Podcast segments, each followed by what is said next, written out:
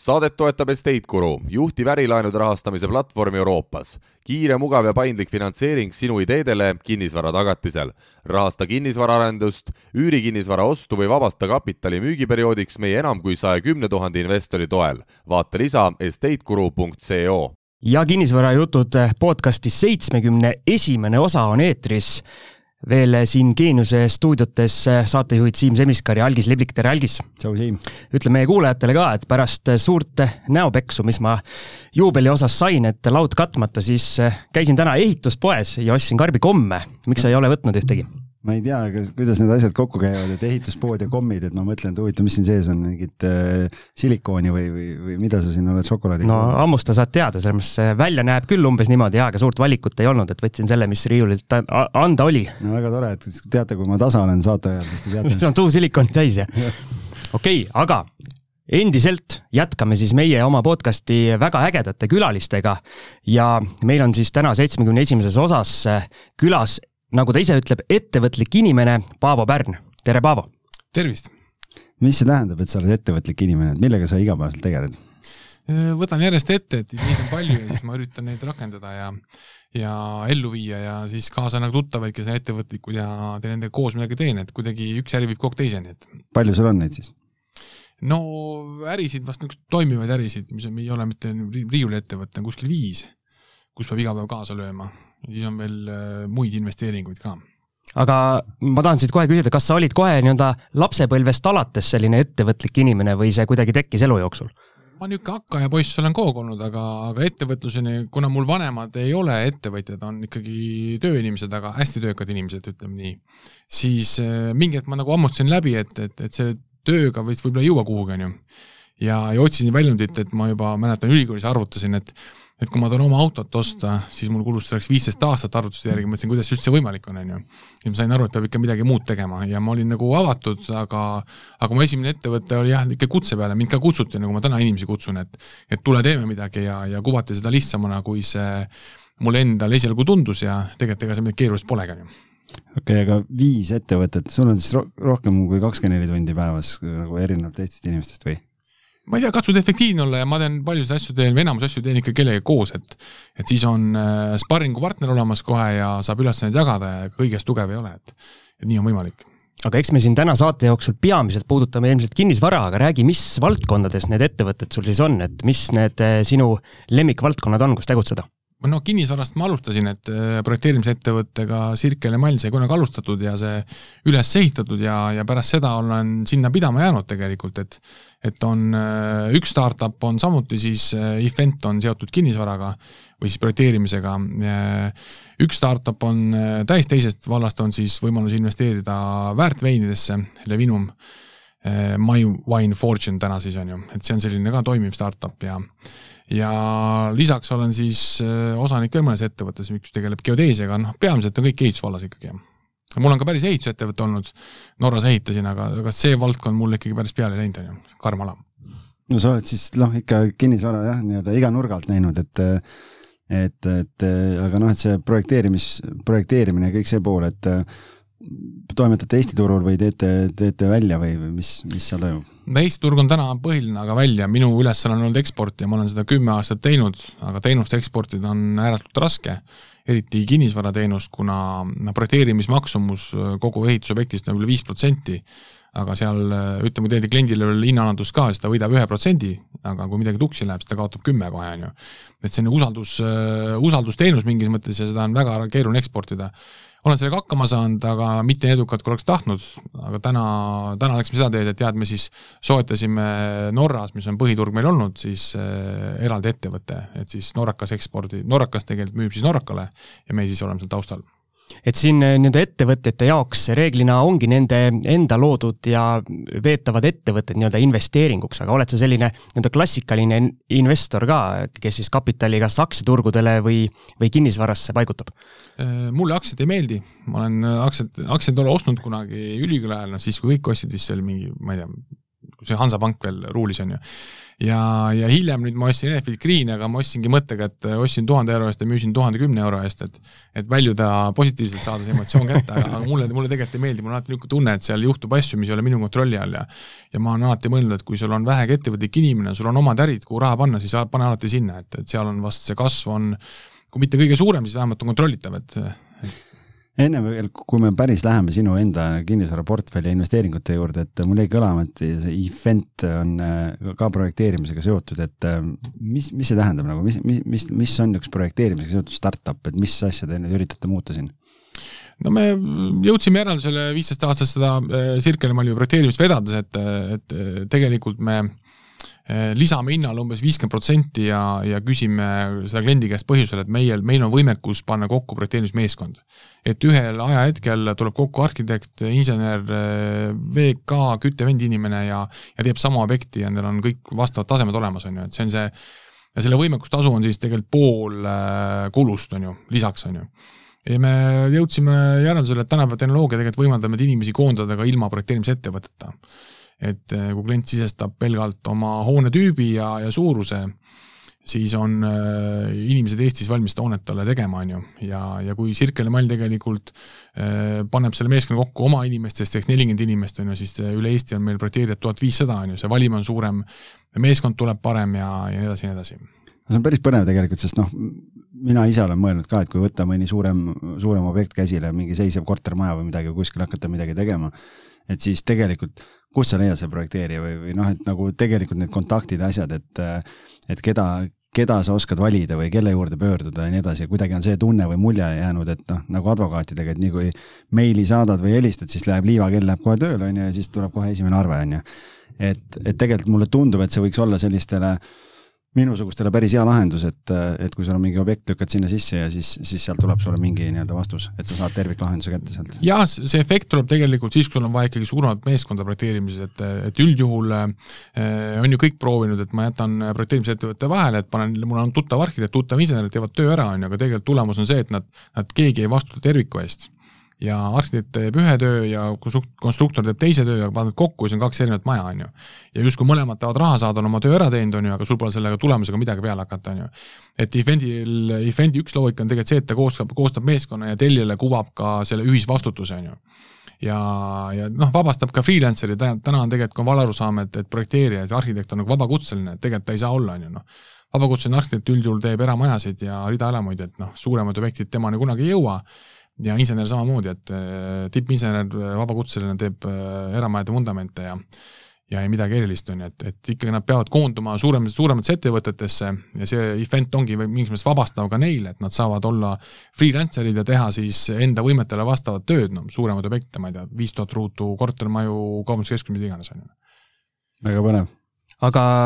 Lähme siis nii-öelda sügavamalt kinnisvara juurde, et sa ütlesid, et sulle aktsia kui, või aktsiad kui varaklass üldse ei meeldi, aga mis sind kinnisvara juures köidab? no kinnisvara, mulle meeldib see, see mastaapsus seal on, et ikkagi saad väga suurelt ette võtta, et et igasugune protsent, mis seal on kaks kuni viis, on ju, tegelikult on absoluutnumbris on päris suur, on ju ja, ja kinnisvara, kindel asi, kuidagi hea tunne on, et ma arvan, et see on igal eestlasel, minu vanusel on niisugune tunne, et sul peab mingi vara olema, et muidu sul on, polegi nagu hästi läinud elus, et kuigi vaata, noortel nüüd see muutub, et äh, võib-olla kümne aasta pärast ei ole üldse oluline, et keegi omab oma kodu, on ju, et ei ole ka, ei tunne ennast sellest kehvasti, on ju, aga minul on selline tunne olnud, et et minu esimene kinnisvara tegelikult äh, oli läbi oksjoni ja aasta oli mingi üheksakümmend üheksa või seitse, mis seal veel EVP-del on niisugune teema, on ju. ja siis äh, isa ostis äh, Haapsalu raudteejaamast järgmise jaama, uuemas jaama, jaamamaja ära, siis on ju, noh see maksis kolmteist tuhat krooni tol ajal, aga selle pealt ma siis olen purjetanud no see on nagu ikka, isa midagi ostab, seda müüa ei tohi, on ju, panti ei tohi, midagi teha ei tohi, on ju, vaatamas võib käia, aga noh, ikkagi, aga see emotsioon, mis sellega kaasneb, et et see kaga, tagakuklas, et, et mul on vara, vaata, see on ikkagi oluline, see aitab elus edasi, et et äh, ükskõik, mis raskus tuleb, mõtled, et okei okay,, mul on üks õlekõrs on veel alati, on ju. kasutada ei tohi, aga vähemalt see emotsioon on selline. et, äh, et sealt alates on tegelikult äh, mind huvitanud kinnisvara omamine ja, ja kunagi ülikoolil oli veel selline totakas mõte nagu noortel ikka, et et tegelikult võiks igas Eesti maakonnas mingi kinnisvara olla, on ju. Et, et siis ei olnud seda äriplaani seal taga, et, et täna ikkagi vaatad, et see haldus oleks päris huvitav niimoodi. jah, ongi, kuidagi niisugune mõte oli, siis mul, mul oli ka täitsa ulmeskeem, mis paberi peal töötas, aga lihtsalt ei olnud tol ajal üks pealehakkamist oli, et oli toetus metsa istutamiseks ja maa oli siis täpselt nii odav, et oleks saanud osta maa, saada toetust metsa istutamiseks, on ju, ja see oleks kõik nagu nulli, nullring olnud tegelikult. ja täna oleks olnud siis tasuta maa ja täna oleks olnud see võib-olla kahekümne aastane mets seal peal, on ju. et see oleks, see oli selline lõputu skeemide paljundada, aga, aga no ülikooli ajal vot ei olnud sellist nagu eestvedajat, kes oleks nagu äh, lükanud seda tegema, et Excelid ja kõik paberid ja äriplaan kõik töötas, aga tege-, tegudeni ei jõudnud, on ju see on tihtipeale tegelikult, ma arvan, neid, neid inimesi on päris palju, kellel võib-olla kuskil on mingi idee, aga nad ei oska pihta hakata või kuidagi nagu ei, ei jõua sellest ideest kuidagi teostuseni, et aga, aga millal siis see nii-öelda päris enda esimene mingi, mingi kinnisvaratehing tehtud sai? no esimene tehing oli, ma ostsin endale korteri tahtsin osta korterit, laps juba oli, mõtlesin, tuli see tavaline eestlase tunne, et oma kodu ei olegi, et vanemad surusid ka, et mis mees sa oled, on ju, oma kodu polegi, teed lapsi siin. ja ma jõudsin siis sinna, et aasta oli kaks tuhat kaheksa, hinnad olid kõige kõrgemad üldse, on ju, ja, ja mina tegin siis ära tehingu, sõlmisin võlaõiguse, korter maksis miljon, nagu noh, krooniaeg nagu ikka. õige mees ikka. iga asi oli miljon, on ju ja korter oli remonti vaja, mis mind üldse ei hirmutanud, kuna mul kuidagi niisugune tunne alati, et kõik tundub nii lihtne, on ju, noh, selline optimist nagu ma olen ja maksin sada, sada tuhat maksin ära ja tehinguni ei jõudnudki sel hetkel, kuna tuli välja, et müüja ei suutnud siis äh, pangale hüpoteegi ära maksta, sada tuhat kulus ära ja ei suutnudki. ja siis päädis äh, lühidalt öeldes pankrotiga, ma tegin talle pankroti ja tal müüdi maha siis äh, kakskümmend kaheksa erinevat kinnisvaraobjekti. ja iga müügiga ta siis jäi natuke sada tuhat pangale võlgu, on ju ja, ja siis ma läksin pankrotipessa, olin seal veel äh, see pesa juht, on ju, ja siis haldur ütles mulle, et et te mingi ärikas või, ma ütlesin, ei ole, ma tegelikult tahtsin kodu osta. just, aa, okei okay., no siis mõtlen midagi välja, on ju, et siis te selle koduga saate, on ju. ja siis ma saingi, seal oli enampakkumine oli, aga kas ma sain selle siis neljasaja kolmekümne tuhandega. siis oli juba masu peale tulnud, on ju. aga noh, närv oli ikkagi sees, et esimese tehinguga lihtsalt annad sada tuhat kellelegi ära ja midagi ei saagi vastu, et see kuidagi ära ei peletanud siis et...?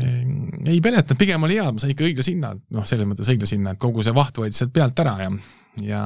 ja siis mul oli üks korter ja siis vot elad korteris, on üks tuba puudus, mõtled kohe naabri peale, et naabril on üks tuba üle, et selle peaks kuidagi kätte saama, on ju. siis, siis ma tegelesin selle toas... Vä väljasöömisega ei, tal tegelikult oli üks tuba ülene, ta ah, okay. elas üksinda, tal oli, tal oli kahetoaline korter ja aga noh, seal oli kogu saaga selles, et ta oli otsustusvõimetu, sest pidi määrama talle mm, isiku sinna ette ja see kõik oli läbi kohtu, noh, pikk protsess. ja lõpuks äh, päädis sellega, et kohtunik küsis tema käest, et äh, kas te tahate tuba müüa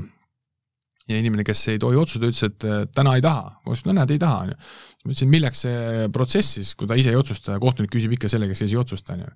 ma tuba ei saanud, aga asjad on niimoodi elus, kui sa midagi tahad, kõik jõuab sinuni, et siis ma sain tegelikult eh, eelmise aasta märtsist sain selle korteri ikkagi ära osta, nii et, et see otsustaja ütles, et no nii, nüüd on, nüüd saad osta. siis ma ostsin selle ära juba põhimõtte pärast, et mingid asjad peavad lõppema nagu kümme pluss aastat siis hiljem. jah, ja umbes nii, jah. aga päris huvitav lugu, et äh, inimene hakkab oma esimest kodu ostma ja siis lõpetab pankrotipesa nii-öelda juhina, et ma ei tea, kas sellist karjäärilendu meil varem siin saates on olnud üldse? ei ole, ei ole olnud vist jah, et. Äh. no kuidagi jah, kõik, mida sa tahad, kõik ma olen saanud, et mõni asi niimoodi, et pärast meenub sulle, et siis seda ma olen tegelikult tahtnud siis peab ettevaatlik olema, mida soovida, et noh, et, et, et jah, ma, ma ei tahaks pankrotipessa minna oma järgmist kodu. koge-, kogemusena oli tegelikult oli see väga hea jälle noh. Aga kui sa meenutad, see nii-öelda kinnisvarainvestor või omanik, kellel kõik need mis iganes kakskümmend pluss objekti sealt pankrotipesas maha müüdi, et kas sa seda ei vaadanud sellise pilguga või ei ole hiljem kuidagi meenutanud, et et kui see ikkagi nii-öelda laksakas käis, et see oli päris hele laks, et kui sa oled ikkagi peaaegu kolmkümmend objekti sul on käes, siis sa justkui võiks olla jõukas, jõukas inimene, aga kui läheb, siis läheb kõik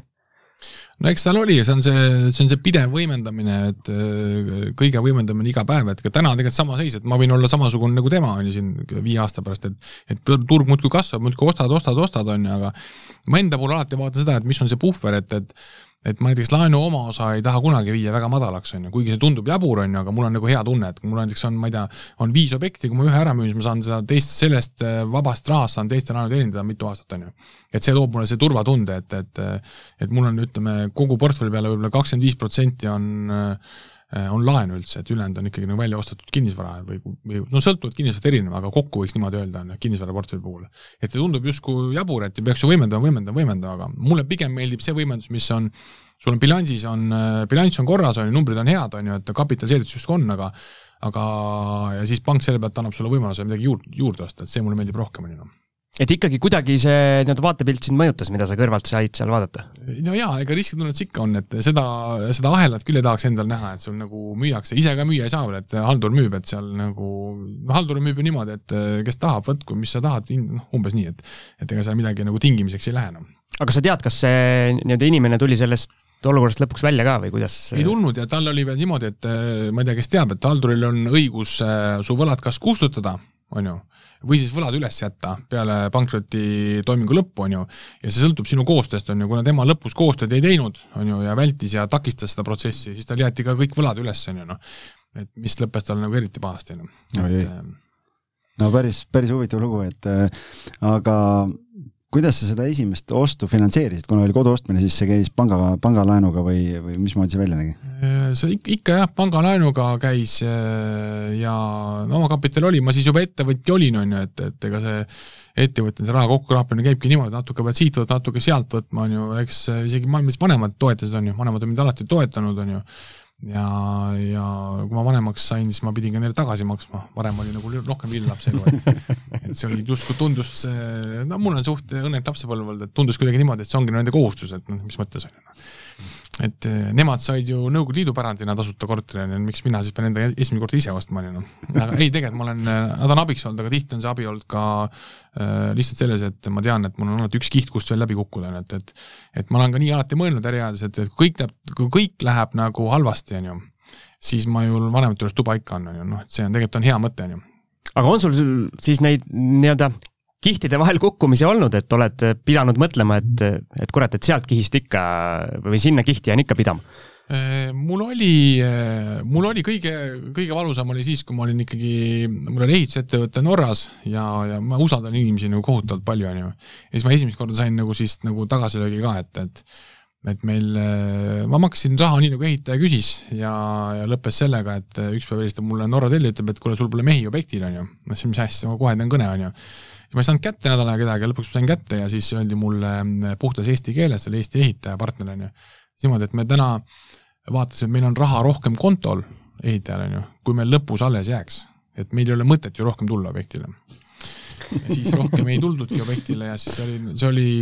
see oli kaks tuhat üksteist äkki, selline algus ja see oli, no summa oli kolmsada tuhat on ju noh see oli siis no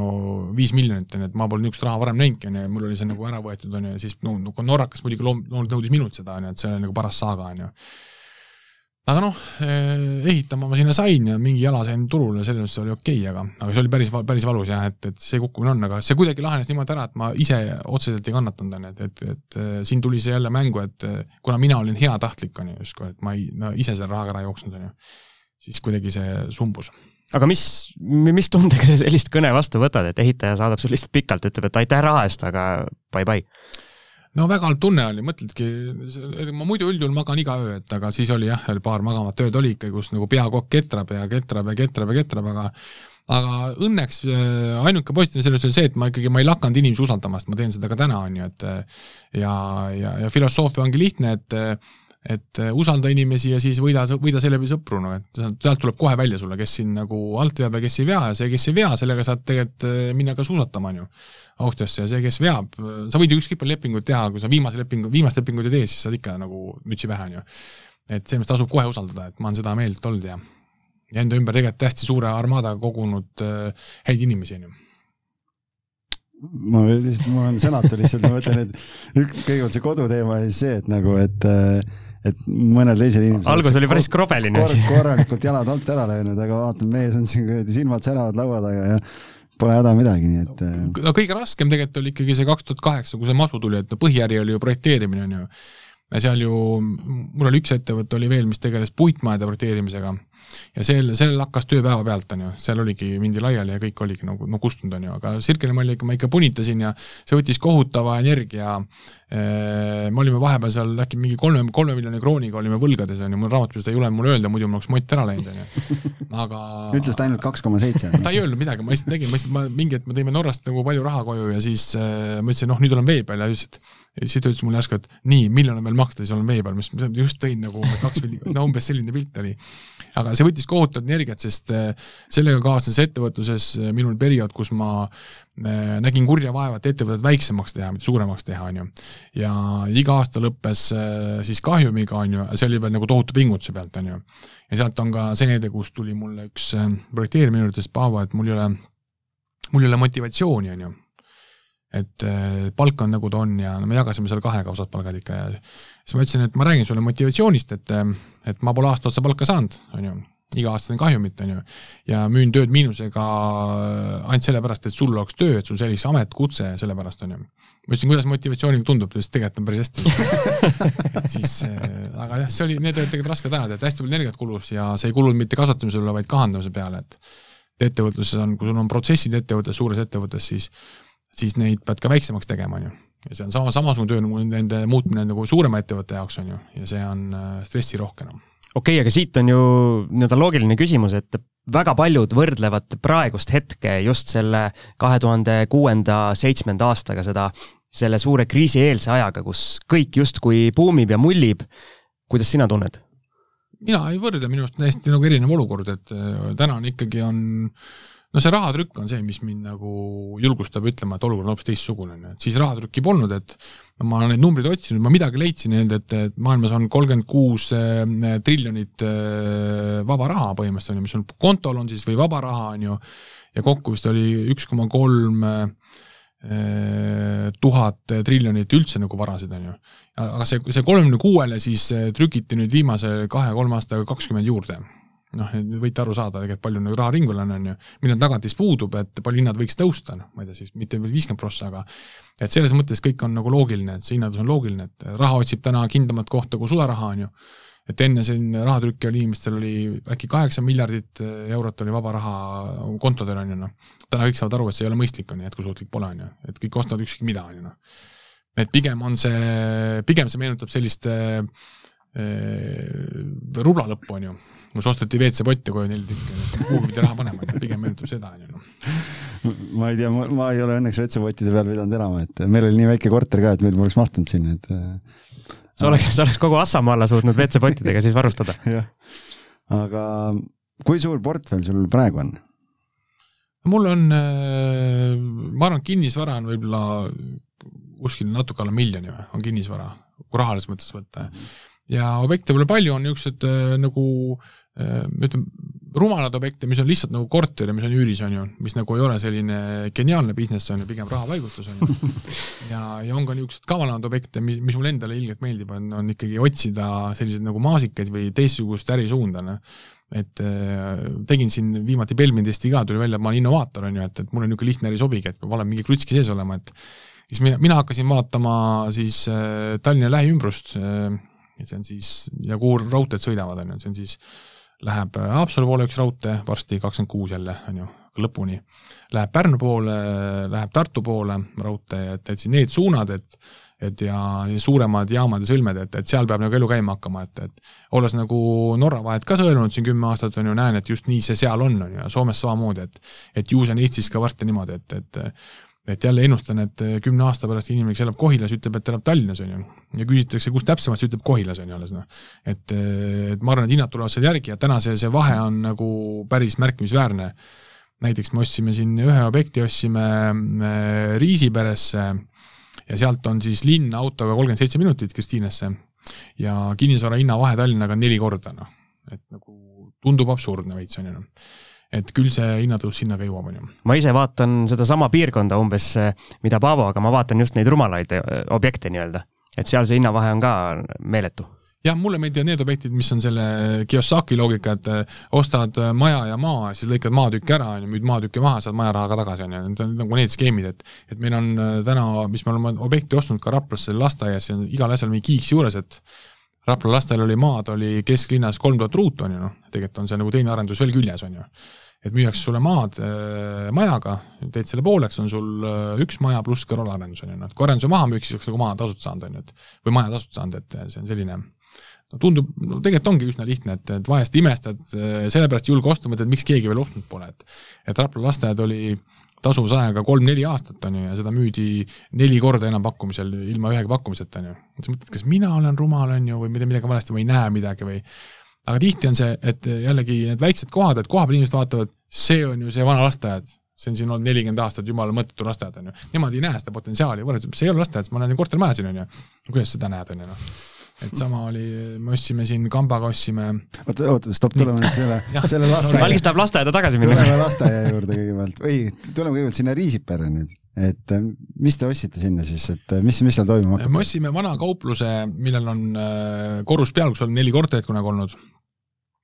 ja, ja edasi käisime vallas ja valdas võttis siia korruse veel peale ehitada, eks sinna tegelikult saab teha siis kolmteist ühikut, on ju ja nüüd on küsimus, et kuidas neid teha, et kui sa võtad sinna nüüd äh, täie rauaga ehitaja peale, siis on ikka, ehitushind on tuhat või ma ei tea, tuhat või tuhat kolmsada eurot ruutmeeter, on ju, aga kui sa tegelikult äh, korrastad, on ju, et äh, jälle mingi niisugune nüanss, mis me avastasime, et, et tegelikult on inimesi, kes ei taha elada mitte uues korteris, üürida seda, vaid on nõus lihtsalt pinnaga, on ju, mis on soe, puhas, katus peal ja nõus natuke vähem maksma selle eest, on ju, aga selle, sellise pinna tegemine on tegelikult, on kordades odavam, on ju et see on tegelikult üks, üks asi, mis, mis ma tahtsin ise küsida, et noh, ma ei tea, Riisipere või Rapla või nii edasi või noh, et siin ka erinevate inimestega kohtunud ja arutanud, et noh, et et Tallinnas täna leida mingeid asju, mingeid suuremamahulisi asju, väga keeruline või ei hakka hammas peale. ja, ja, ja noh, siis on see, et läheks, ma ei tea, Riisipere või Raplasse või Rakveresse või, või kuhu iganes. aga küsimus on lihtsalt selles, et, et okei okay,, kinnistu müügihinna vahe on kolossaalne, aga teistpidi noh, ehitushind on sama. Ja noh, ja müügihinna vahe on, on ka päris suur, et okei okay,, sa saad kinnistuga võidad summa. Ja, ja noh, müügis on ruutmeetri hind on nagu erinev. et väga paljudel tundub see liiga riskantne, et noh, kas on turgu, eh, kui, kui osta ja müüa või, või et eh, osta, arendada ja üürida, et eh, ma saan aru, et siis et te ikkagi olete läinud seda teed, et te seda korrust peale ei tee ja lihtsalt vuntsite kergelt ära ja, ja annate välja? kusjuures seal teeme korruse peale, sest seal on katust ilmselt vaja vahetada, on ju, see on mõistlik lõdvuda meeter müüri veel, on ju, ja uus katus panna, et ja nii on mõistlik, aga jah, küsimus on selles, et, et nagu kuidas sa nagu ehitad, on ju, sest äh, ma olen vaadanud, et panga silmis on ikka, et kui on omand ja korter, on ju, ja kui on puhas, on ju, siis tuleb äh, hindaja hindab, et ma ei tea, see on, et see on ruutmeeter äh, tuhat eurot ja see on täitsa tutikas on tuhat kakssada eurot, ega seal nagu väga vahet pole, on ju noh küsimus, kuidas sa ehitad, eks see oligi minu jaoks üllatus, et Raplas meil oli äh, lasteaiast ehitasime ümber siis äripinnad ja, ja mõned korterid, on ju, ja meil tuli seal ehitushinnaks, no ma ütlen, esimene number on kaheksa, teine number on null. Ja mis, mis kolmas number on, mis te arvate? kolmandat ei olegi, ruut, ruutmeeter on ju, kaheksakümmend eurot ruutmeeter on ju, et tegelikult kui ehitada, siis on ju, peaks ütlema kaheksasada kohe, et et see ongi äriplaani vahe tegelikult ja, ja me tegime seal siis uh, uus vesikanal, elekter. uh,, värmisime kõvasti, vaheseinad tõstsime kinni, uued põrandad on ju, dušikabiinid, uued WC-potid, et et tegelikult saab ehitada ka nagu teistmoodi natuke nagu ise juures olla, mitte ise ehitada, juures olla natukene ja olla nutikam, on ju. ostsid diivani ja olid kohapeal kogu aeg, istusid? ei, nii ei olnud, et ikkagi ehitaja ehitas, ehitas, ehitas ja ehitajal oli ka, talle meeldis, talle väljakutsed meeldivad ja seal oli tal huvitav, on ju. kaheksakümmend eurot ruutmeeter kas see, selle teise osa kinnistust müüsite ära, et äh, me teeme sinna detaili ja lõikame selle pooleks, on ju, ja siis me vaatame äh, rahalise seisuvärki, kas me peame seda müüma või me saame sinna arendada kunagi. teete uue lasteaia siin? jah, aga noh, kõige võimsam nende lähipiirkond on ikkagi see, et äh, oli ka vist üks artikkel, kuidas Viljandis kasvavad hinnad viiskümmend protsenti, on ju, Tallinnas ma ei tea, kakskümmend protsenti, on ju, ja mingid piirkonnad olid nagu sada suisa, et, et et ma usun, et see lähipiirkond on see, kus hinnakasv on tegelikult kõige võimsam, on ju. et seal lihtsalt ostes ja oodates, on ju, saad rikkamaks kui üldse midagi tehes, on ju, noh et Tallinn on see lipulaev, kes seda hinda kogu aeg lükkab, on ju, tulevad uued rekordid, on ju, inimesed mõtlevad, ei tea, kas ma tahan kõige kallimat kinnisvara osta, on ju, siis siis ma arvan, et äh, lähipiirkonnad on just need, kus äh, tundub normaalne maksta nagu viissada eurot rohkem kui eelmine aasta ruudu eest. No vot, Algis, ma siin istun oma kahe kehra korteri otsas ja nutan praegu, et ehitaja jooksis minema ja siis ma ütlesin Siimule ka, et see võib-olla ei ole nagu las seisab, las seisab. ei ole halb, kui, kui korter võib-olla võtab natukene tänases turuolukorras, kui ehita- või renoveerimine võtab kauem aega kui tavaliselt, sest noh, turg läheb eest ära juba selle ajaga, et siis küll, küll maksta või see rahast tagasi toob. mul on siiamaani väga positiivne saade olnud, nii et aitäh, Paavo no vaata, oled õigel teel, ega ma ka ei tea, ma katsetan, ega ma nagu täna, ütleme, ma olen just mõelnud, et ega, ega ma ei ole mingi kinnisvarageenius ega mingi ärigeenius, et et tihti need võidud on ju ja bilansimuu kasvud tulevad sellest, et kogu turg kasvab, on ju, noh et palju ma seal üüritulust teenin, et see on ikkagi mm, koma koht võrreldes sellega, mis sa teed uue hindamisakti ja paned bilanssi jälle kolmkümmend tuhat juurde, ütled, näe, vaat kus mul on kasum, on ju noh et aga ma arvan, see on paljudel niimoodi ja see on ka suurtel arendajatel niimoodi, et, et väga suur kasum tuleb kinnisvara hinna tõusust, on ju. Noh. no vot, aga ükskord see nii-öelda hinnatõus lakkab ja võib tulla mingi litakas siis võidab see, kes selle litaka üle elab, on ju, et kõik ei ela, kes on pannud täitsa piiri peale, et, et kõik on tehtud kodulaenu KredExi käendusega, on ju, et kümme prossa sisse ja ülejäänud kõik võimendus, võimendus, võimendus, on ju, sellel on kindlasti raske, on ju. Noh. ja siis sinusugused hakkavad seda nii-öelda odavat vara veel rohkem kokku ostma pärast? ei tea, kas ma nii ahne olen ja räägi nüüd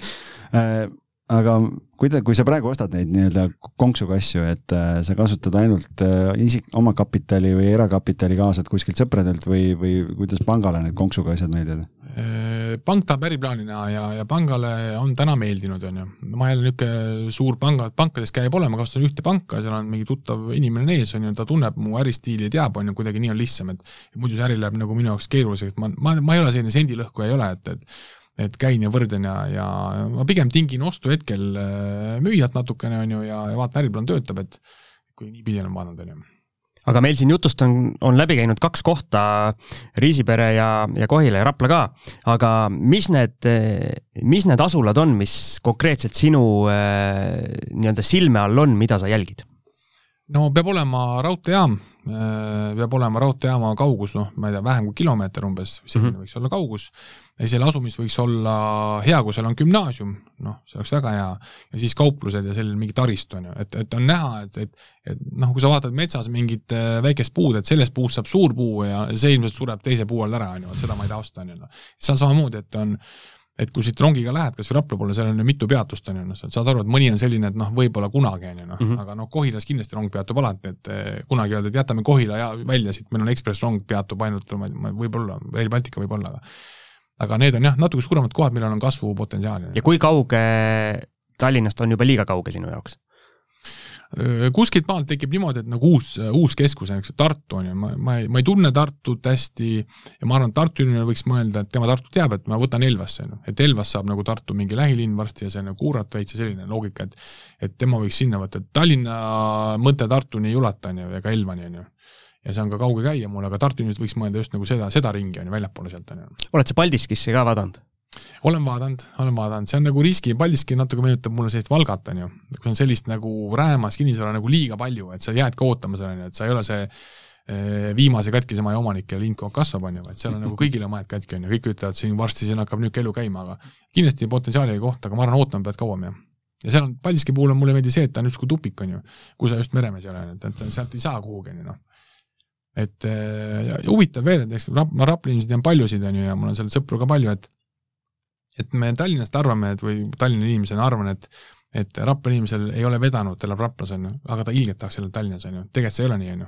tema tahab ilgelt Raplas elada, on ju. ja see on nii kummaline, et, et et me niimoodi arvame, et eh, kui sinna kinnisvara hakkad arendama, siis nemad ütlesid, et ma ostaks hea meelega Raplasse uue korteri, aga siin ei ole uusi kortereid, okei okay,, nüüd tehakse, on ju. et tal ei ole niimoodi, et saaks siit ära, vaata noh, ta ei ole selline pommiauk tegelikult Rapla on, asukohana on super, on ju, kui sealt hakkad autoga sõitma, siis igale poole on tunnik, on ju noh kusjuures neid nii-öelda nendes väikestes kohtades, ütleme siis väikestes suurtes kohtades, et mitte nagu päris maha jäetud nagu, nagu Assamaalla, vabandust, Assamaalla inimeste ees. kuule, meil elu käib mitu burgeriputkat, värgid seal. aga, aga just eh, need kohad, mis siin meil täna jutust läbi käinud on, seal ju eh, paljud inimesed, eh, näiteks mina müüsin Kehrasse ühe korteri maha niimoodi, et tuli inimene Tallinnast Kalamajast, müüs oma vana puitmaja korteri maha, sai kaks korda rohkem raha, kui maksis see Kehra korter, mis oli oluliselt paremas korras ja ta on ülirahul rahul, et ta kolis Tallinnast, Põhja-Tallinnast kolis, kolis Kehrasse. no näe, Siim, sul on ka portfellis mõni kehv tehing Kehrast korteri maha müünud no,. No. tal on Kehrat ja Vaidat ja keegi... müüsin Kehras maha ühe ja ostsin kaks asemele kusjuures Kehrat ma olen äh, nagu vaadanud ja uurinud, aga ta ka tundub niimoodi, et ta on selline tööstusega üle valatud natukene, tundub selline natuke selline vajab, et inimesed tunnetavad, et ma tahaks Kehras ilgelt elada, onju, et nagu veel seda tunnet pole, et noh seal on see vana Nõukogude taak on, on hullult peal. et see hais ja kõik, aga olukord on oluliselt roosilisem. on, on, see läheb, see läheb järsku ja siis on, siis on hilja, on ju, et kes seal täna omab, see on nagu võidus, on ju. aga võib-olla kümne aasta pärast on, noh, oleks pidanud ikka sinna Kehrasse ka midagi ostma, aga noh, see on pigem niipidi, jah jah, sest sealt ju kakskümmend viis minutit Ülemistesse ongi rongiga, et äh, isegi vähem vist, kakskümmend või mis see, mis see õige arv on, ma pole ise isegi rongiga sõitnud sinna, peaks proovima. jah, mul on, mul on huvitav muidugi on minu puhul see, et kuna ma olen projekteerimisega tegelenud siin viisteist aastat on ju ja, ja tihti klientidega kohtunud, siis ma olen alati öelnud, et see on selline superkogemus, et kõik, kes tahavad kinnisvara, kinnisvarast aru saada, hakake projekteerimisega tegelema, sest sest mulle jõuab iga päev, noh, enam nüüd mitte, aga jõudis tegelikult laua taha klient, kes rääkis äh, oma kogemusest ja oma äriplaanist, on ju noh. Et ilmselt ei rääkinud seda isegi oma äripartneritele, kuna see oli saladus, aga projekteerija on nagu arst mingis mõttes, et sa ei saa rääkimata jätta, on ju, sa ei saa öelda, mis sa sinna teed, muidu me ei oska seda projekteerida, on ju noh ja sealt õppis äri hästi palju, et ma nägin ka asju, mis ütlesid täitsa uskumatu, et sinna tehakse mingi asi ja täna vaatad, issand, milline geenius oli, on ju noh. et äh, õpid seda kogemust sealt pealt, et äh, väga huvitav on olnud aga teeme siia väikese pausi, meil on siin umbes kolmkümmend viis minutit saadet juba läinud ja väike vahekõll ja siis oleme tagasi.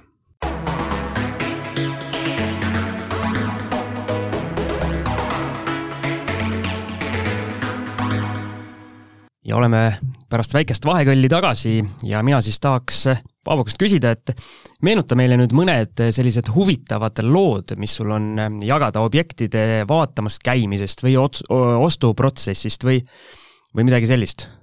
nüüd ma pean hakkama maaklerit kiruma. jah, just, vot, vot, vot. ma lähen käin ära, söön kommi nii kaua. me enne lindistust rääkisime sellest, et maaklerite kirumise see koht tuleb ka saatesse kindlasti sisse ja palun. on üks äh, hea lugu, mis mul on siiamaani meeles, on äh, pärineb mu vennalt, on ju, kes tahtis Pärnusse osta korterit,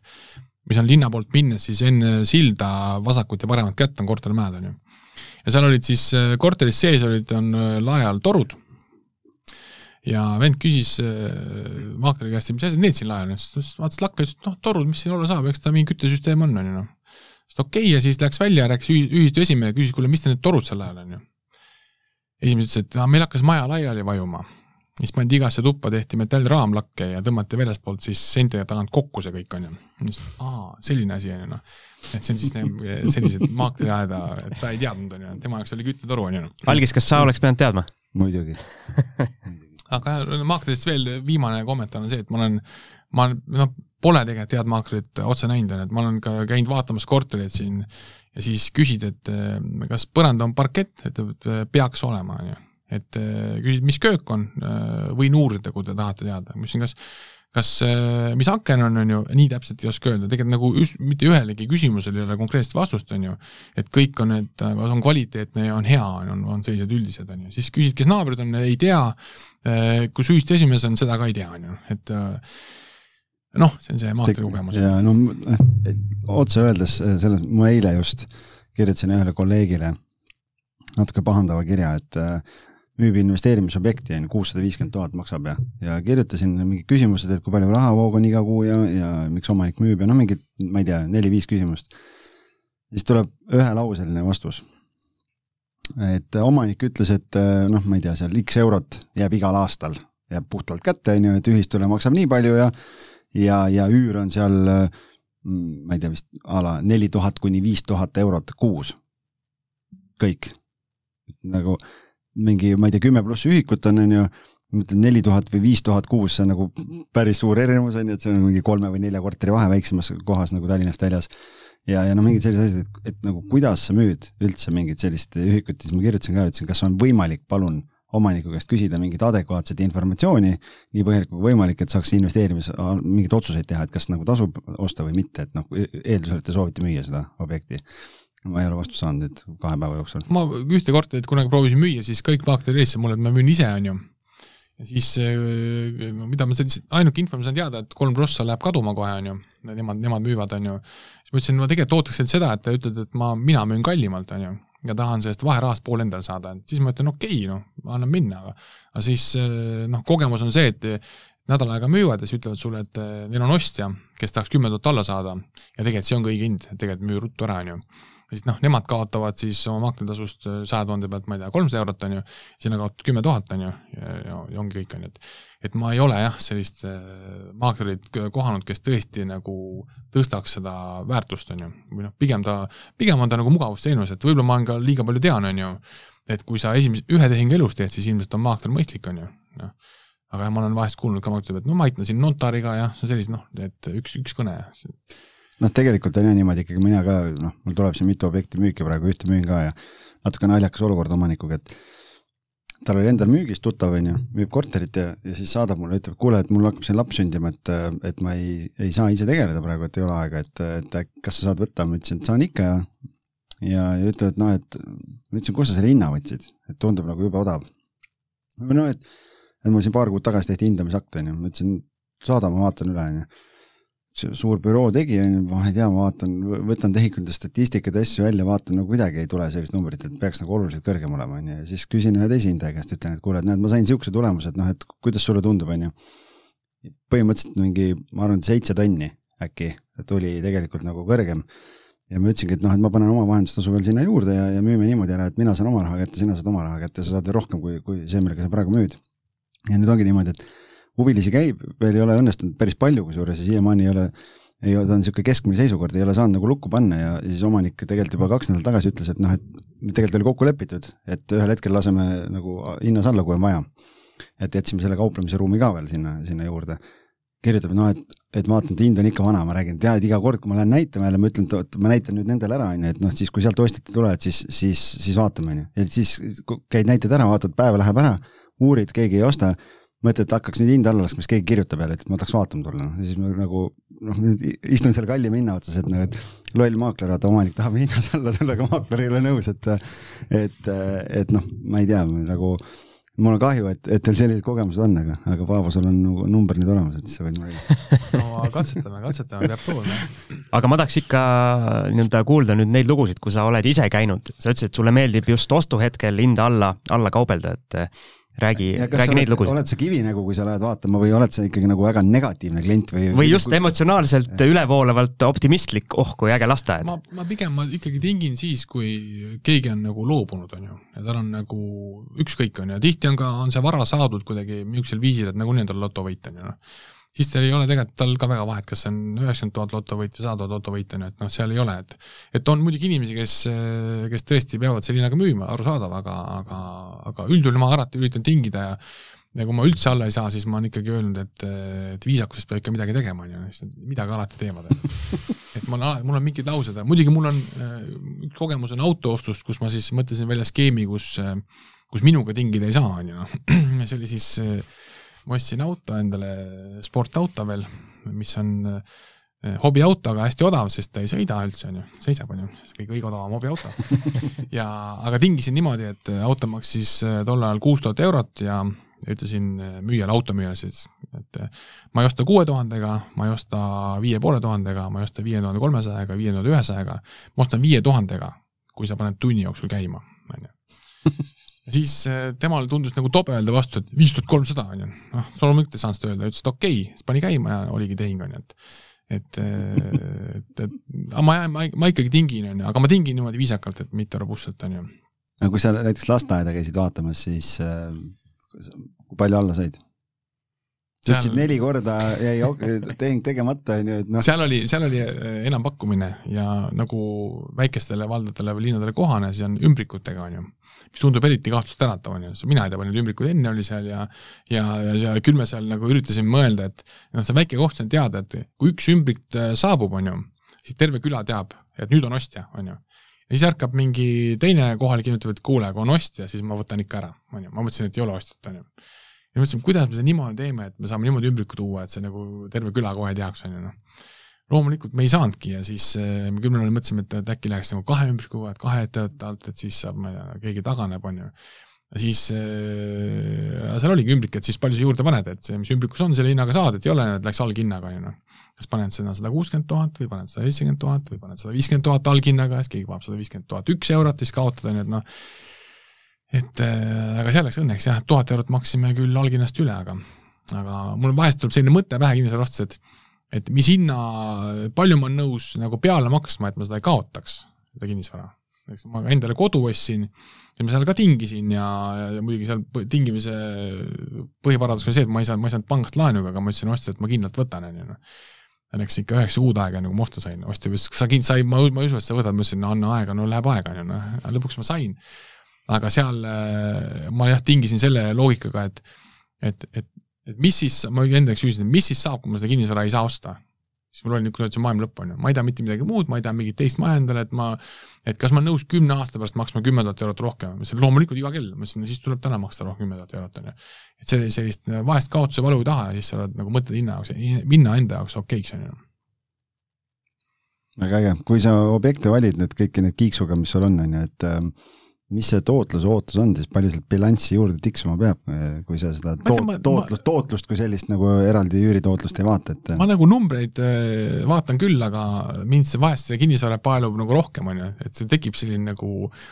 tahe seda omada, on ju, et ma tahan seda saada, eriti ka mingi kiiksuga asjad, et ma siin ostsin poolteist aastat tagasi ühe sauna, on ju, et selle, selle ostuloo võin ma eraldi rääkida, on ju aga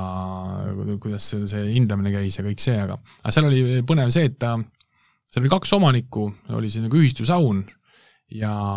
mina vaatasin, et see on ju korter, on ju. noh, ja seal kõrval oli maja, kümme meetrit eemal on kortermajad ja korter on kuuskümmend tuhat, saun on kakskümmend tuhat. ma mõtlesin, kas jälle mina olen rumal või mis värk on, et sisse täielik korter on ju, kinnisasi ka, maa ja kõik jutud on ju noh aga ongi jälle, et, et kes ta näeb saunana, kes näeb korterina, no, no ostsin ära, on ju, panin uue diivani sisse ja rentisin korterina välja, on ju, noh. meil panime veel korter, kaldkriips maja, on ju, läks eriti hästi, on ju. et eh, ja see on nagu meil Pärnus siin äh, ostsime ka korteri ja saunamaja tuli veel pealekauba, mida enamus ei osanud nagu vaadata ja. korterimajaga on ju, teine müüs sulle korteri mingi mõttetu kuuriga on ju no.. täpselt. oligi aga kust sina neid kiiksuga objekte leiad või kuidas sa neid otsid? Äh, ma olen vaadanud ikkagi portaalidest ja, ja ma olen pannud siis, ma, kes müüb juba korterid, on ju, see on korter, on ju, aga kui sa paned, otsid äripinda, on ju, siis võid leida asju, mis on, et keegi müüb äh, oma äri, ongi, müüb mingit, ma ei tea, kosmeetikaäri, on ju, äh, mingi tuba kuskil on, tegelikult vaatad, see on ju korter, on ju, noh. et sealt sa võid asju leida ja tihti on, mis mu, ütleme, kavalus ja nutikus on see, et et suured asjad on ruutmeetrit odavad, on ju, neid kannatab tükeldada, on ju et need on ka asjad, mida tasub vaadata, et äh, isegi, isegi majade puhul mõni vaatab, et issand, maja on nelisada ruutu, kes seda jõuab kütta, kes seal jõuab elada mina vaatan, et see saab ju kaheksaks lõigata, on ju noh, või noh, et ütleme, ütleme need trikid on muidugi, mulle on Kaspar Kissa õpetanud, aga see, tema on eriti julge tükeldaja, on ju, ma nii julge pole, aga aga see mõte kas või pooleks teha on, on, on ikkagi teretulnud, on ju. no vot, Kaspar oli meil eelmises saates külaline siin juubelisaates, nii et kaks tükeldajat jutti meil. Siis no, ei, ma, ma arvan, kui, kui mina teen midagi pooleks, siis äh, Kaspar jagaks selle veel nagu neljaks kindlasti et see on ikka, vahest on julm, mis tema on teinud oma kinnisvaraga, et see on. nojah, aga kui sa vaatad nii-öelda portaalis, näed mingit kuulutust, siis äh, sul peab ju mingi lamp kohe põlema lööma või sa lihtsalt käidki mingeid, äh, mingeid objekte kogu aeg vaatamas, et ma tavaliselt vaatan ja mul jah, lööb lambi põlema, tekib mingi äriplaan, ma räägin, kas on maja suure maatükiga on ju, tekib äriplaan kohe. siis ma hakkan peas, hakkab kohe mul valemid tööle, mis seal teha saaks, siis ma üldjuhul mingi väikse reisi käigus sõidan sealt läbi, on ju, vaatan, kuidas tunnetus on kohaga, siis ma teen omanikule kõne kohe ja räägin, et olen huviline ja siis äh, omanikega tavaliselt, no see läheb aega ikkagi vahest, mitu kuud läheb aega, on ju. uurid, räägid vallaga läbi, vaatad tõesti, pilt on sobilik ja ja siis ma riski maandamiseks äh, ja sõprade leidmiseks, on ju, kaasan kellegi, on ju, tavaliselt võtan kellegi punti, sest mul on selline filosoofia, et ei tasu ikka endale ahnitseda, parem ostad kolm tükki kolmekesi, on ju, kui ühe üksinda ja siis oled seal mure otsas, on ju, või õnne otsas, on ju, sest ega kumbki variant pole hea, aga üksi rikas on kehv olla, on ju, noh et äh, lähed suusatama üksinda, kedagi kaasa kutsuda, sa ütled, no mis sul viga on ju, noh, ma sinuga ei tule, on ju, või ma tulen, aga kõik välja teed, on ju, tegelikult see ei ole, ei ole loogiline, et et no kuidagi nii jah, ikka portaalidest, ega niimoodi ma, ma olen nii ka teinud, et sõidad ringi ja vaatad maatükki ja vaatad, kes on omanik, helistad ja hakkad rääkima, aga see on niisugune pikk tee, et sa võid saada nagu negatiivselt seal väga palju vastu, et noh. aga sa oled suhteliselt ikkagi, nagu ma aru saan, spontaanne inimene, et, et ma ei tea, on sul üldse mingi kaugem eesmärk ka sellel investeerimisel või see on lihtsalt üks äh, põnev äge sõit ja, ja, ja lihtsalt võtad, ma ei tea, päev korraga, et? no pigem, pigem nagu jah, rahapaigutus, äh, kuigi see on osutunud nagu tulusaks, on ju, et, et et äh, eriti viimase aasta ma olen vaadanud, et, et raha on muutunud numbriteks, on ju, pangakontol, see on nagu mäng, on ju, et mitu punkti sul on, et ma ei tea, sealt kelle kokku, mitu punkti sul on, mul on nagu viiskümmend tuhat punkti ja mul on kuuskümmend tuhat punkti, mitu punkti eelmist juurde said, tekib niisugune võistlushopp sest ega see raha mina pole näinud, on ju, ja, ja, ja, ja, ja vahest naine ütleb mul kodus ka, et, et jube ärimees siin küll oled, on ju, noh, see on nagu, nagu tegelikult raha ei ole, aga. Nossav. jaa, täpselt, et niisugune ilge ärimees enda arust on ju, sest nagu sa, saine, saine on nagu puude taha, on ju, et seal on mets, on ju. siis nojah, ega metsi. ma sellepärast naeran, mul on kodus täpselt samamoodi, et jah, me siin kodus arutame, et kuidas pangalaenu saada, sest ei ole raha lihtsalt ongi, no ma olen ikkagi endas äh, peas piduri pannud ka, et ma selline lõputu ahnitseja pole, et et, äh, et mingil hetkel peab midagi müüma hakkama ja elama peab ka, et ma olen seda tasakaalu kogu aeg hoidnud, et äh, nii töö kui pere, just ajajaotuse mõttes on ju ja raha osas ka on ju, et õnneks tuleb siin naine appi, kes ikka sunnib mingitele reisidele minema ja, ja, ja kurdab, et kuskil ei käi, siis sa lähed, et ise näed ju kohe nagu tekib sul viis tuhat, et sellega saaks ju selle garaaži ära osta. Ja võimendus, uue pangalaenu võtta ja läheb nagu sedapidi, et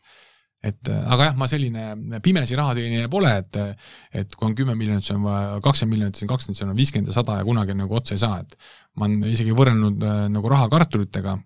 et me oleme, vaatame ühiskonnas ringi, et see, kellel on palju raha, see on austusväärne inimene, on ju, hästi elanud, on ju aga kui sa võrdled raha kartulitega, on ju, siis äh, on raha, mida sa ei jõua ära kulutada, on ju, selle omamine on rumalus mingis mõttes, on ju. sama on kartulitega, et kujuta ette, kui sul on nagu võrdlus, et ütleb, mul on nagu kolm tonni kartulist, oi, kõva mees. mis teed, mis teed sellega, mis teed sellega, ei no midagi, panen maha järgmine aasta viisteist tonni, on ju, mis sellega teed, siis panen maha, see on mul viiskümmend tonni, aga lähme, saame kokku, et praegu pole aega, praegu on just künniaeg, on ju, tundub nii rumalus kulutada kogu oma aeg raha tegemiseks, on ju, ja seda kulutada, nagu sa tegelikult ei jõuagi, on ju. meil kuuekümnendas juubeli saates Tiit Trofimov käis, ta rääkis ka seda banaanilugu, et vist oli seal, et, et noh, praegu ei hakka ümber rääkima, et kes tahab kuulata, aga samasugune lugu, et et alati ei pea vaeva nägema, et saab niisama ka võib-olla nautida ja olla, et. ja mingi, ma ei tea, kes USA ärimees oli, kes müüs oma startup'i mingi maha, sai kolm miljardit ja siis andis kõik raha ära, jättis ühe miljoni, on ju. ütles lõppu, et ja oma viimase tšeki ma kirjutan, mis on katteta, on ju noh. et niimoodi tuleb elada, et see kõik see, kogu see pärandamine ja kõik see tegelikult on mingis mõttes on nagu vale, on ju noh. ma olen isegi mõelnud, et, et, et mis maksaks kinnisvara kui sa pärandada ei tohiks seda, on ju. kui inimese filosoofia muutuks, et ma ei hakka kokku ostma asju, ei ole niimoodi, et ei, küll ma siis pärandan, on ju, et riik ütleb, ma võtan kõik ära lõpus. just, aa, no mis me siis hakka annetsema üldse, on ju, noh. kindlasti need kukuvad tegelikult, kõik saavad kuskil elada, on ju, noh. et ma ütlen, minus on ka täitsa see pool, et, et ma näen nagu raske inimestel, kellele, kes ei saa minema kuidagi, noh. noh, mul on endal üürnikud sees ja ma niisugune üürniku tegelikult piine üldse pole, et, et minu, minu üürihinnad on pigem nagu alla turuhinna alati olnud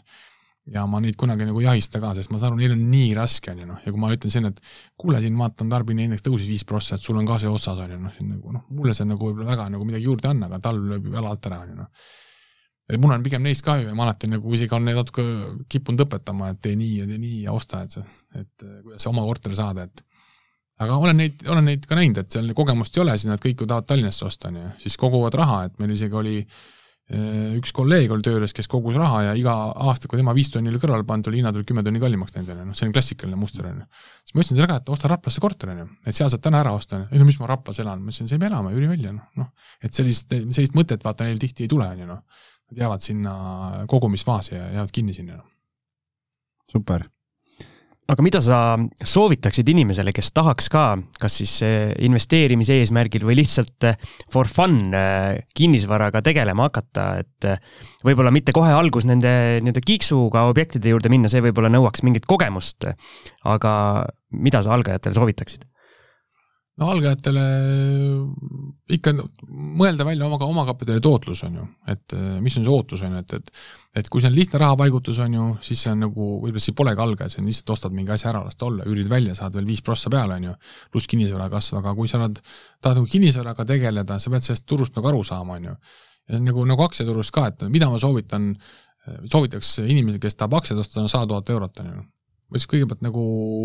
osta raamat, on ju, või saa, saa sellest turust aru, et et minul on nagu hea kogemus, äh, küll osalt väga teoreetiline on ikka läbi projekteerimise see, ma saan kinnisvarast nagu aru, on ju. ma saan aru, kuidas raha tehakse,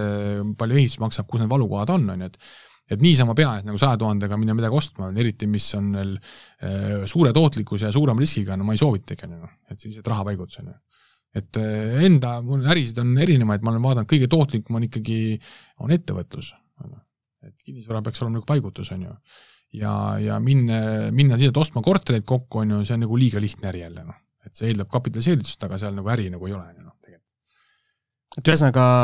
sina tahaks, et rohkem inimesi looks siis mingit lisandväärtust, et võtabki mingi keerulisema objekti, annab ise oma tegevusega sinna lisandväärtust ja saab sealt selle tulu? jaa, kas kinnisvarad, aga ma ütlen, et siis te tegelete ettevõtlusega, et ükskõik mis vormis, kui raha on vähem ja riski kardada, et seal on tegelikult omakapitaalsus kõige suurem, et et ettevõtte asutamine on ju kolmsada eurot, on ju, äri teed, noh, sa saad hakata arutama, jõuad sinna välja, et ei ole mõtet eh, kinnisvaraga tegeleda, kinnisvarasse võid raha paigutada, on ju, aga noh, kui me hakkaks täna nullist pihta ja punitaks sealt esimese korteri ja teise ja kolmanda ja viienda, see on nagu väga pikk tee tegelikult, on ju, et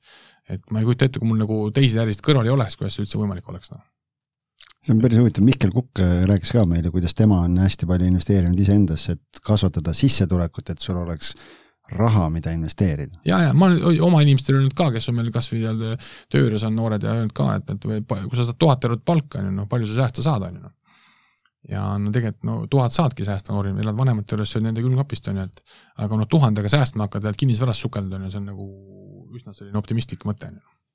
tegelikult äh, hästi huvitav, et sa selle siia lõppu tõid, ma olen varasemates saadetes maininud, ma käisin ühes ettevõttes investeerimisõhtul on ju ja, ja tegelikult Paavoga seal kontakt äh, tekkiski, et äh,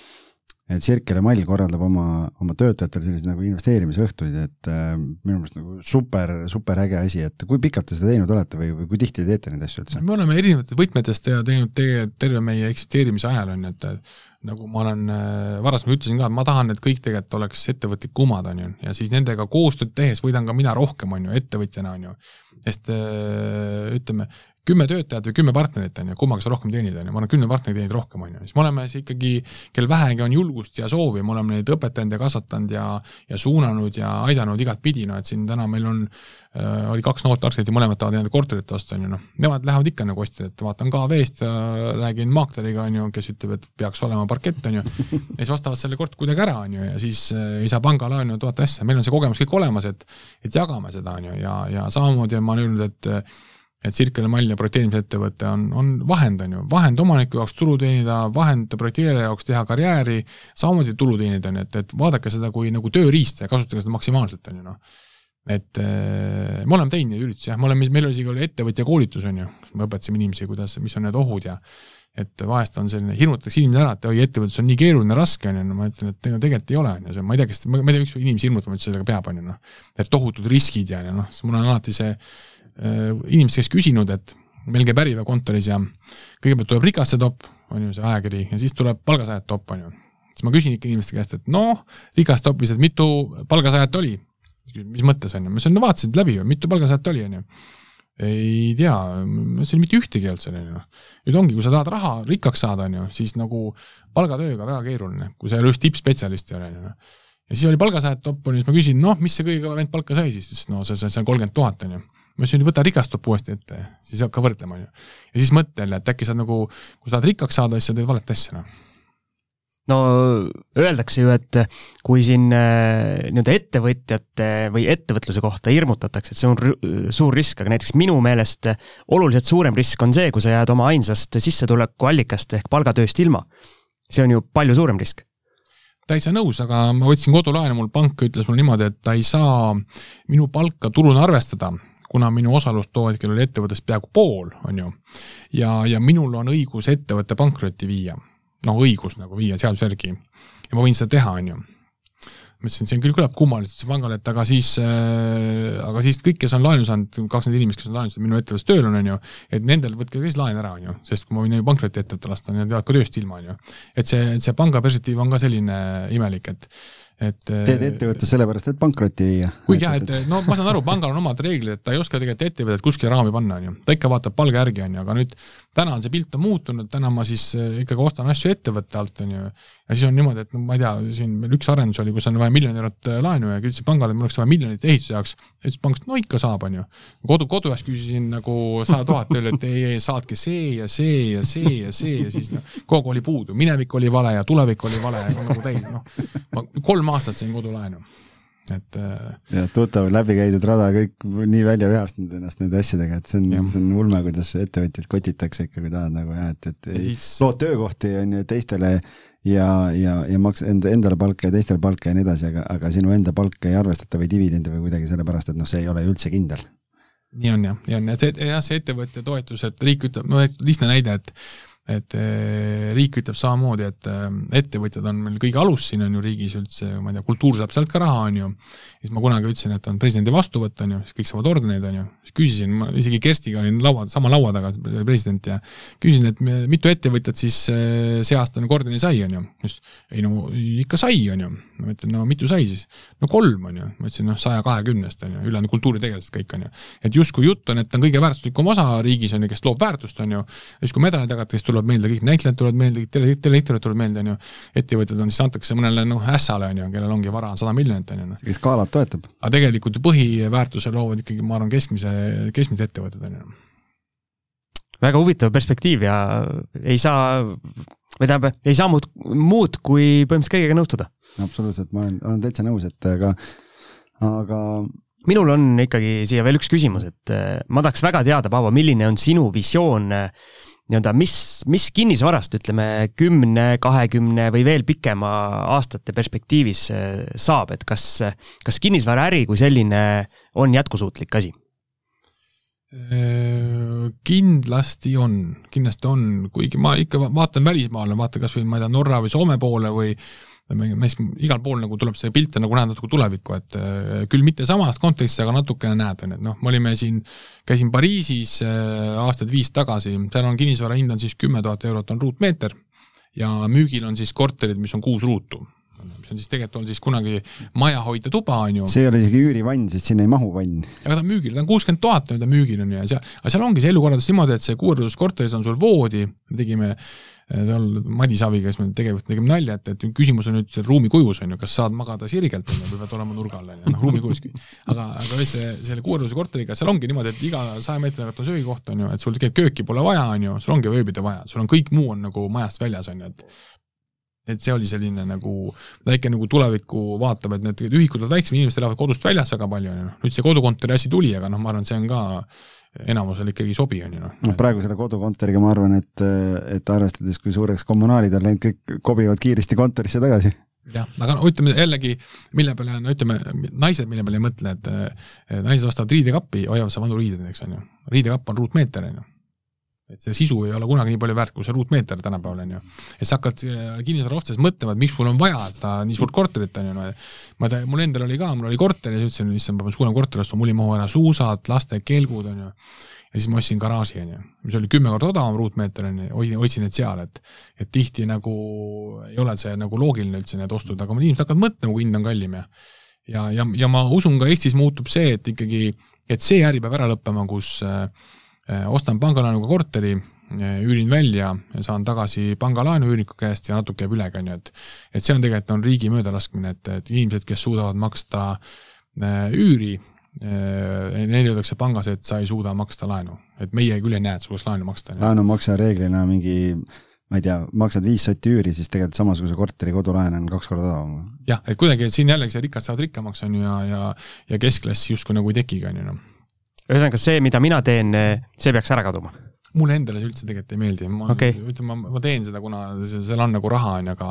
aga see kuidagi selline nagu natukene nõrgemate ärakasutamine, noh. no vot Siim, kasutad ära teisi inimesi. aga ma, see, mina üürihinda just sellepärast ka ei maksimeeri, on ju, et ma tulen neile vastu, et ma küll võlgu lase jääda, aga kui ma ei tea, inimesed on, kes alla on hinda küsinud, ma olen öelnud, et loomulikult on ju. aga kas sul seda perspektiivi ei ole, et äh, lihtsalt see noorem generatsioon äh, paljuski ei tahagi omada midagi, et neil ongi see vajadus, et nad pool aastat elavad siin, järgmine pool aastat elavad kuskil mujal ja niimoodi nii-öelda käivadki ringi. keegi kuskil elab, et siis omab keegi teine, on ju, noh, siis on ta nagu äri, aga ikkagi keegi näeb seda ärina ja kuskil ta peab ikkagi elama, on ju, noh. ei, ma mõtlen selles mõttes, et et sa ütlesid, et see on nagu nii-öelda nõrgemate ärakasutamine, aga kõik üürnikud, just see noorem generatsioon, nagu nemad vastupidi, tunnevad ennast selles osas tugevamana, et nemad ei oma midagi, neil on see vabadus. Ja nad hea meelega üürivad. no täna ütleme ka selle rahatrüki näitel võin julgelt öelda, et kõik, kes midagi ei omanud, on ju, mingit varaklassi, on ju, need kindlasti kaotasid, on ju, et rikkamad said rikkamaks, on ju, ja, ja, ja vaesemad jäid vaesemaks ja keskklass võib-olla tekkis ka, jäi vaeseks, on ju, et isegi see, kes omas kodu, kodu, on ju, ta võib ju peas arvutada, et näe, mu kodu on kallimaks läinud, on ju. aga noh, ta seda kunagi ei müü, on ju, ta on selline nagu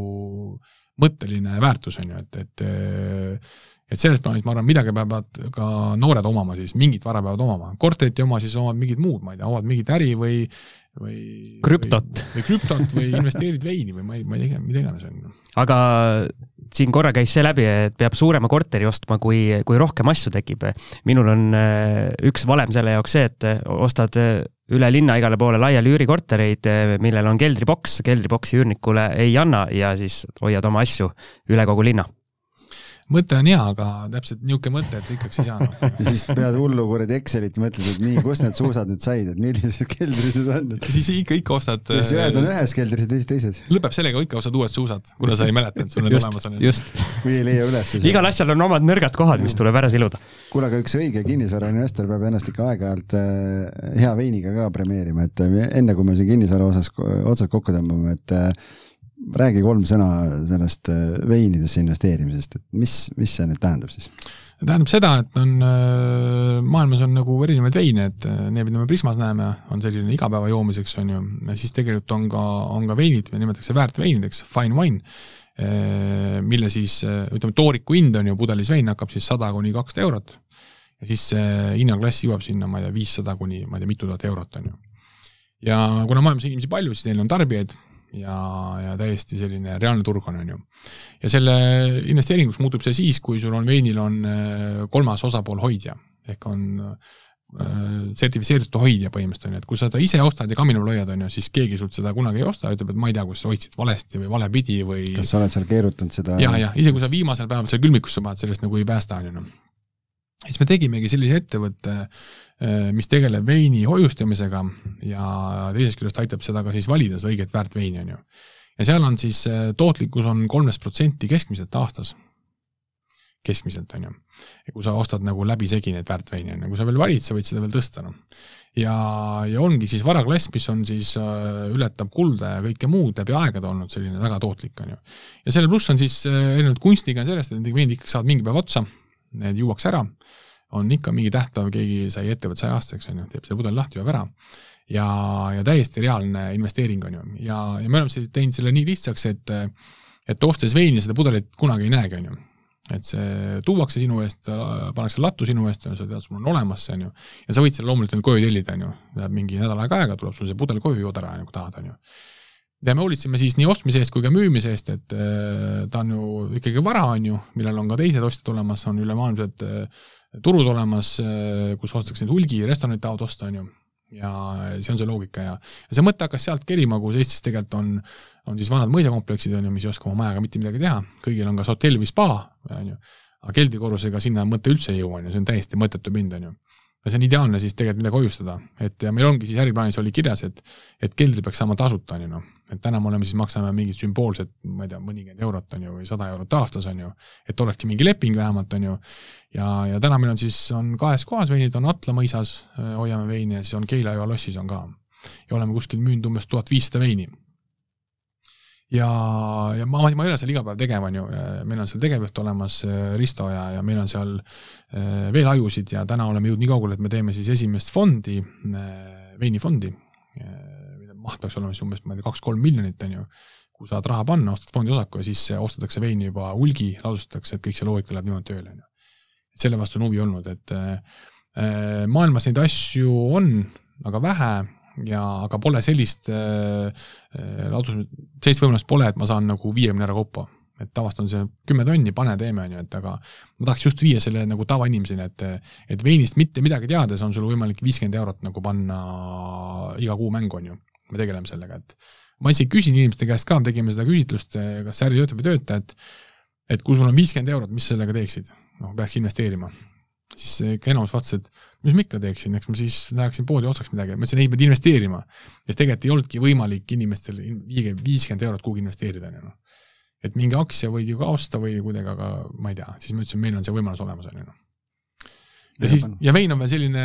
hea asi ka, et, et, et paljud tahavad aktsiat ei julge osta, sest see on mingi asi, vaata mingi paber on ju, mul on mingi märge kuskil on ju, aga vein on niimoodi, mul on pudel on ju, et, et saad mõelda, et kui kõik läheb tuksi on ju, kui Ukraina stsenaarium realiseerub ja läheb väga hulluks on ju, siis ma lähen sinna keldrisse, avan oma pudeli on ju, et selle aktsiaga pole siis midagi teha on ju noh. saab vähemalt tuju heaks siis. Happy ending. jah, täpselt, täpselt jah.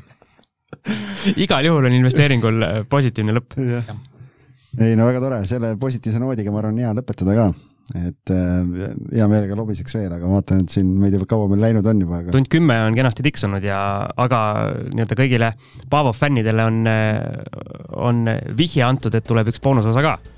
tuleb. väga hea, super. sellega on hea lõpetada, tõmbame joone alla. aitäh, Algis, aitäh, Paavo. aitäh, Siim. palun, palun. ja tšau. tšau